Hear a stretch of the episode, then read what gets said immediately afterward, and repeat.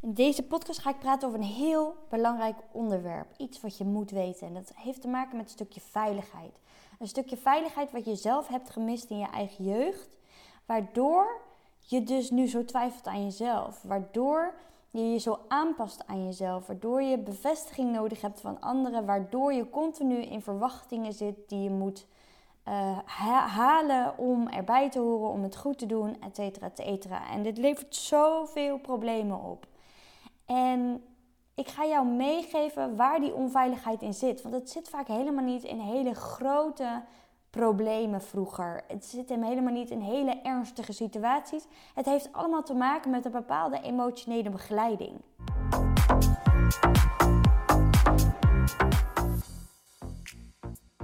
En wat nog even leuk is om mee te, mee te delen, te mededelen, te, hè, hoe zeggen ze dat altijd? is dat ik een hele mooie, toffe, te gekke kerstdeal heb. En deze deal die begint over ongeveer een week. En die houdt zich aan tot, tot kerst. Dus het is belangrijk dat je het goed in de gaten houdt, want de tijd, hè, tijd vliegt. En dit is een mooi kerstcadeautje wat je jezelf kunt geven. Want dit is de 8-weekse online cursus. Dus een cursus die je zelf op eigen tempo kunt gaan doen. En je kunt beginnen en klaar zijn wanneer je wil. Want je krijgt onbeperkt toegang. Nu, deze ronde. En in deze ronde, met deze cursus, gaan er nog veel meer extra's komen. En daarom moet je het extra goed in de gaten houden. Omdat er uh, tijdelijke extra's in zitten. En dan moet je binnen een paar dagen reageren. Of als een van de eerste zijn. En het gaat om een Clarify Your Goal Call. Dus dan ga je met mij een doel stellen voor deze cursus. En dan ga je daarmee aan de slag. Nou, als je dus tegen dingen aanloopt, zoals negatieve gedachten, kritische gedachten over jezelf. Je voelt veel onzekerheid, je hebt angsten en je merkt dat je echt tegen elke keer dezelfde patronen aanloopt. Dus niet zo goed je grenzen aan kunnen geven en of een heel erg schuldgevoel ervaren. Dat je niet echt jezelf durft te laten zien. Dat je moeite hebt met keuzes maken. Dat je heel erg die zelf, zelftwijfel hebt. Dus negatieve gedachten hebt over jezelf. Maar ook over wat je moet doen, wat je wil, wat belangrijk is voor jou. Nou, dan is deze cursus helemaal aan te raden. Dus hou mijn Insta lekker in de gaten. Het gaat binnenkort plaatsvinden. Ik ga je mee, gelijk meenemen in een goed voorbeeld. Want bijvoorbeeld een verjaardag vroeger als kind. Jij was jarig en je broertje en zusje en nichtjes en neefjes en iedereen die daar maar uh, aanwezig hoorde te zijn, die was er. Dus je tante, je oom, je opa's, je oma's, heel het huis vol, gekke huis. Iedereen zit op stoelen, banken, taarten zijn er, drinken. Het is echt feest. Het is echt gezellig. En de kleine jij, hè? jij bent misschien een jaartje of twee, één, twee, max drie. Zoiets, misschien iets ouder, zou kunnen.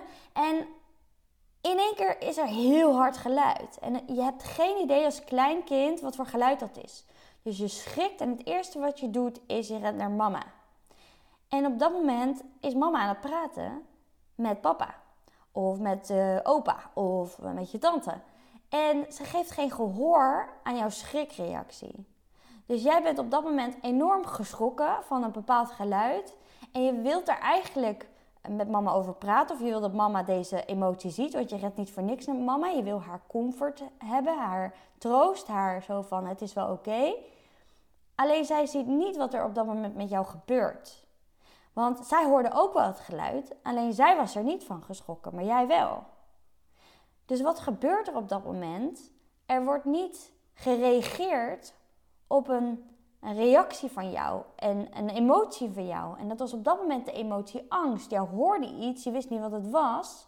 En je wordt niet getroost en je verstijft. Dus je gaat een soort van in freeze mode. Zo van je staat wel bij mama, dus het is wel oké, maar er wordt niet gereageerd. Maar je hebt een emotie. En wat moet ik nu met die emotie? Dus die emotie sla je op dat moment op in jouw systeem, omdat mama niet reageert. En dit is een, een vluchtreactie naar mama eigenlijk ook. Hè? Maar het kan ook een freeze-modus zijn, is dat je dan helemaal verstijft op dat moment bij mama. Of dat je helemaal niet meer naar mama toe gaat. Omdat je als je weet dat als er met een hard geluid of weet ik veel wat mama toch niet reageert, dan ga je het zelf willen oplossen in freeze-modus. En dan ga je weer die angst opslaan in jouw systeem. Dus alle angsten worden opgeslagen. Zoiets kleins kan, het al, kan al de aanleiding zijn. Dan ga ik een tweede voorbeeld noemen hoe het ook kan. Stel, jouw neef, die hoort deze uh, het harde geluid ook. En die rent naar uh, zijn moeder. En zijn moeder zegt: Oh, hoorde je ook dat geluid? Iemand is denk ik aan het boren. En op dat moment schiet hij uit in tranen. Want dat is wat er gebeurt als je wel aandacht geeft aan bepaalde emoties. Zodat hij heel even, misschien maar een minuut, vaak is dat maar heel kort, dat de kind even dan helpt, het er even laat zijn. En er daarna weer vanaf is en zich daarna weer beter voelt. En dan kan dus die emotie er gewoon zijn. En dan gaat het weer weg. En dan wordt er niks meer opgeslagen. Omdat iemand gehoor geeft, in dit geval zijn moeder gehoor geeft, aan hetgeen wat dat kindje voelt en ervaart. Dus alleen al het erkennen en het herkennen van die emotie. Hè? Je was geschrokken hè? En het was hard geluid hè? zo in één keer. En dat is bij de buren en het komt daar vandaan. En het is allemaal oké. En dan zijn die tranen er even dus en dan valt de spanning weg. Hoe mooi is dat? Dan ben je dus afgestemd met het kind als moeder of als vader. Hè? Dat je dus echt uh, die reactie ziet en dat je dus iets met die emotie doet. En wat daarvoor gebeurde, was dat er niet werd gereageerd op de emotie. Dus dan is er geen afstemming geweest en zal dus het kind het in zijn eentje moeten verwerken. En dus die schrik blijft in dat lijfje. En als je dus vaker op die manier benaderd wordt, als er vaker niet gereageerd wordt op jouw stresssysteem, dan gaat er nog meer Ehm, angst en nog meer emoties zitten in zo'n lijfje van zo'n kind, in het zenuwstelsel van zo'n kind. Je kan dan je stress niet kwijt. Dus je zal er dan langer last van hebben van die cortisol, wat dan door je lijfje rondpompt. Dat is stresshormoon. En door deze onveilige gebeurtenissen ben je dus gevoeliger geworden voor stress. En maak je sneller en langer dus het hormoon cortisol aan. En je wordt dan alert en je wordt dan waakzaam. En je wordt dan dus ook gevoeliger voor angst. En dat gebeurt natuurlijk niet als er een keer, weet je wel, um, een zoomer afgaat of uh, iets hoort, iets geluid hoort van een boormachine of whatever, iets van een uh, één keer per maand uh, de, het alarm, weet je wel, wat je hoort buiten. Maar als je structureel niet getroost wordt, omdat je emoties niet serieus worden genomen, wordt gezegd: Oh, het is maar een boormachine. En dan gewoon maar verder, verder gaat kletsen. En niet echt zegt, erkent wat het kind voelt. Dan krijgt het dus zo'n. Um, dan gaat het zich dus terugtrekken. En gaat dus al die emoties opgeslagen worden in jouw systeem. En daarbij leert een kind ook alleen maar gevoelens kennen en herkennen op het moment dat een moeder ook benoemt, of een vader, hè, of whatever wie wat er aan de hand is. Dus het is zo belangrijk dat een moeder tegen je zegt: Oh, je bent geschrokken. Oh, je bent bang. Oh, je vindt het eng. Oh, hè, je bent verdrietig. Oh, dat doet pijn. Of whatever. Benoem altijd die emoties. En wat ik herken vanuit mijn eigen jeugd, is dat mijn ouders eigenlijk vrij weinig emoties benoemden. Wij zeggen het ook bij onze kinderen nu bijvoorbeeld als Iba en Jent ruzie hebben. Dan zeggen we, oh, jij had ook graag dat speelgoedje gewild. Was je een beetje jaloers? Jij wil ook graag dat stukje hebben van wat, wat Ibe heeft. Of jij wil ook graag... Hè? En dan, dan weten zij, oh, dit is jaloezie. Oh, het mag er zijn. Oh, het is oké. Weet je wel, het is niet zo dat ze in één keer niet meer jaloers hoeven te zijn of in één keer alles moeten delen met elkaar. Nee, het gaat erom dat ze weten wat er gebeurt en dat is het. Als een kind dus gezien en bevestigd wordt in, je, in emoties, dan, dan leer je het wat, wat, dat wat je voelt dus normaal is. En je leert er dan ook nog eens woorden aan geven. En je leert dat je dus naar de ander toe kunt gaan om gerustgesteld te worden. En dat je dan ook nog eens beschermd en veilig voelt. Als je dus ook zo die emotionele begeleiding hebt gehad. En zo leer je dus te vertrouwen op je eigen gevoel en op je ouders. En als je dan wat ouder wordt, vertaalt dat dus zich in vertrouwen, in zelfvertrouwen.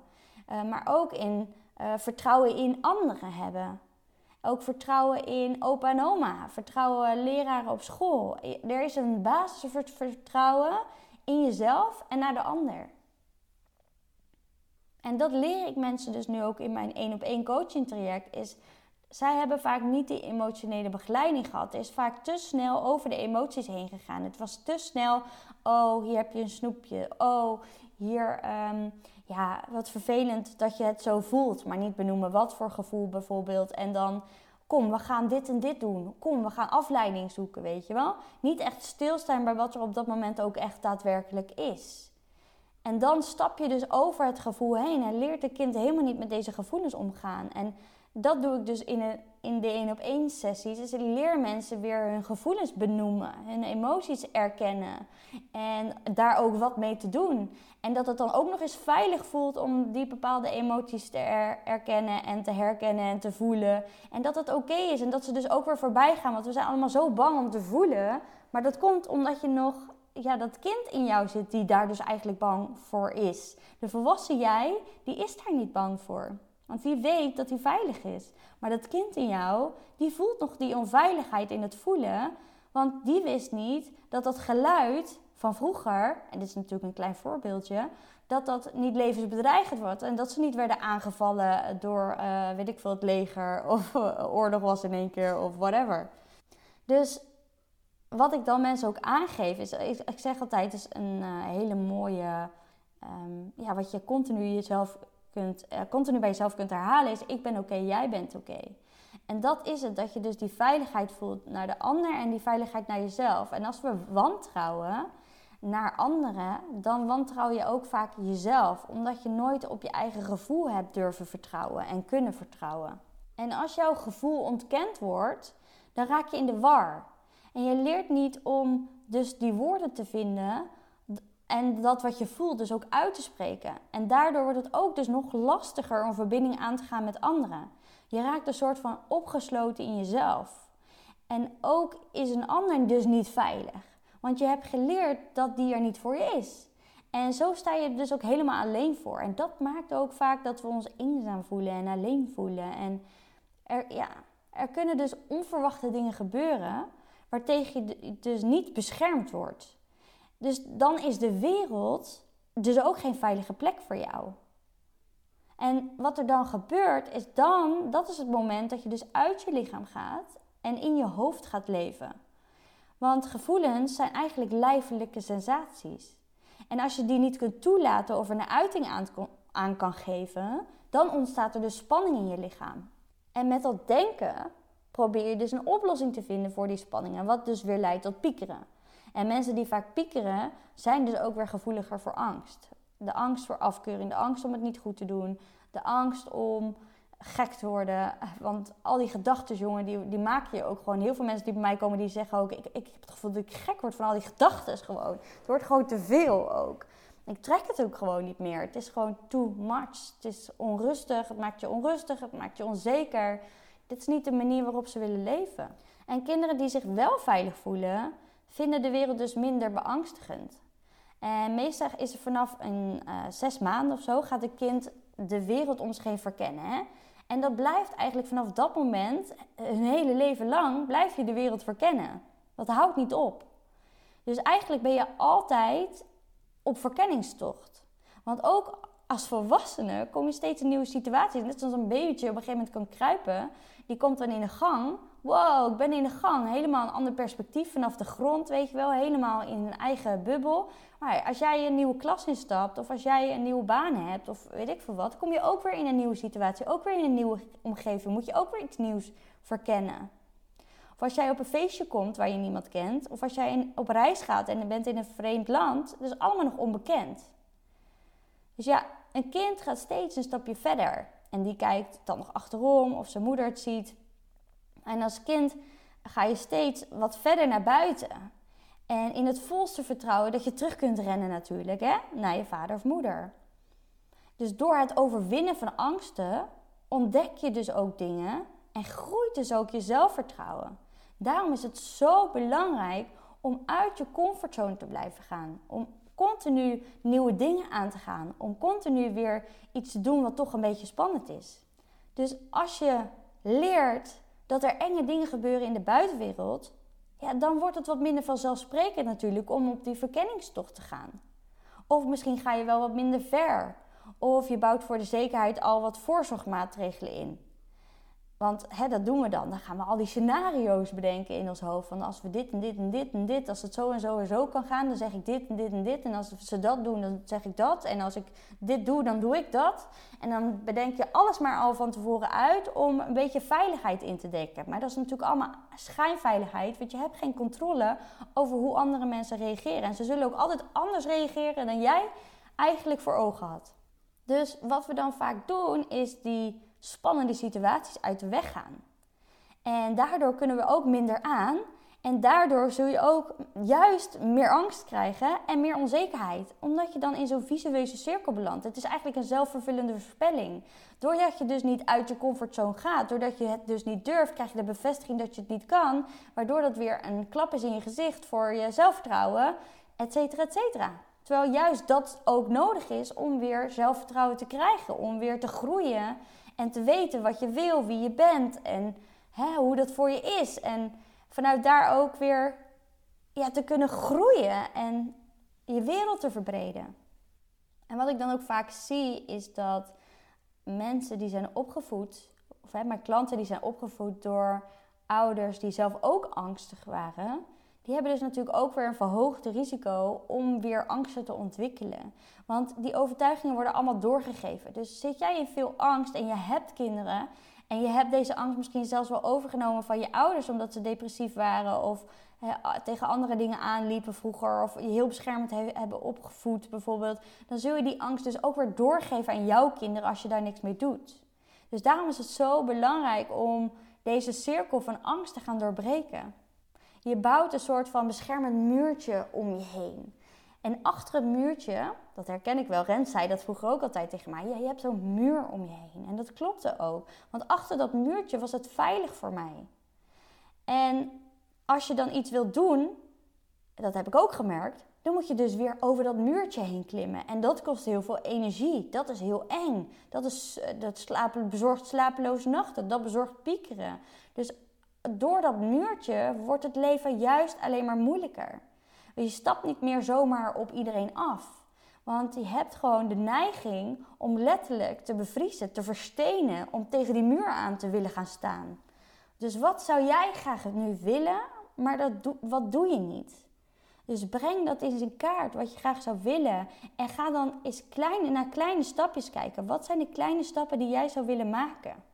En wat ik dan ook veel hoor, is dan mensen, ja, ik, dan wil ik iets kleins bijvoorbeeld voor mezelf kiezen om even los te komen van thuis, bijvoorbeeld van het gezin, of dan uh, even niks willen doen.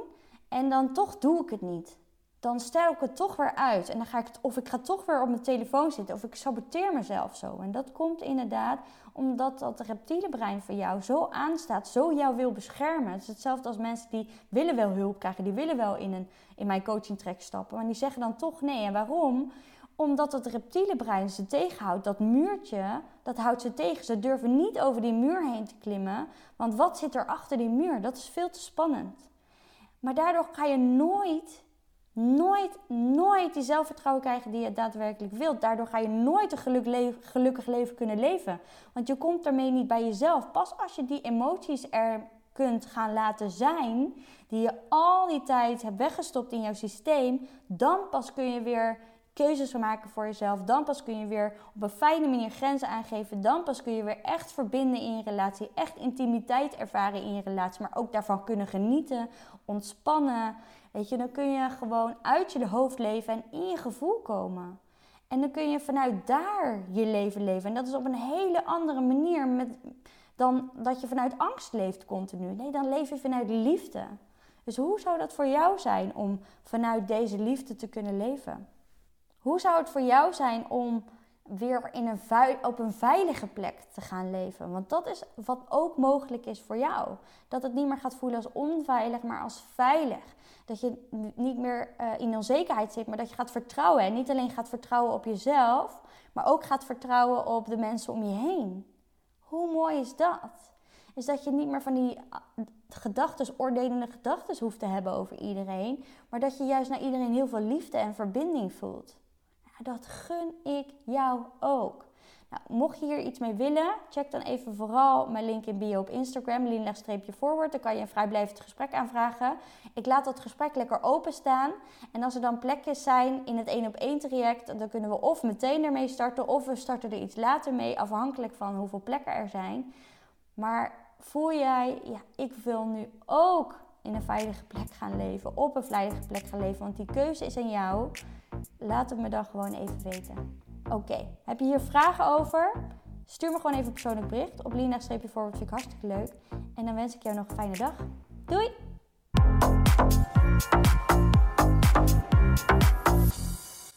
Dat je hebt geluisterd. Deel het op Instagram om ook anderen te inspireren en tag mij. Het zou mij enorm helpen als je deze podcast gaat volgen en als je een review achterlaat op iTunes via Apple Podcasts. Zo word ik beter vindbaar en kan ik daarom nog meer mensen helpen. Bedankt. Doei!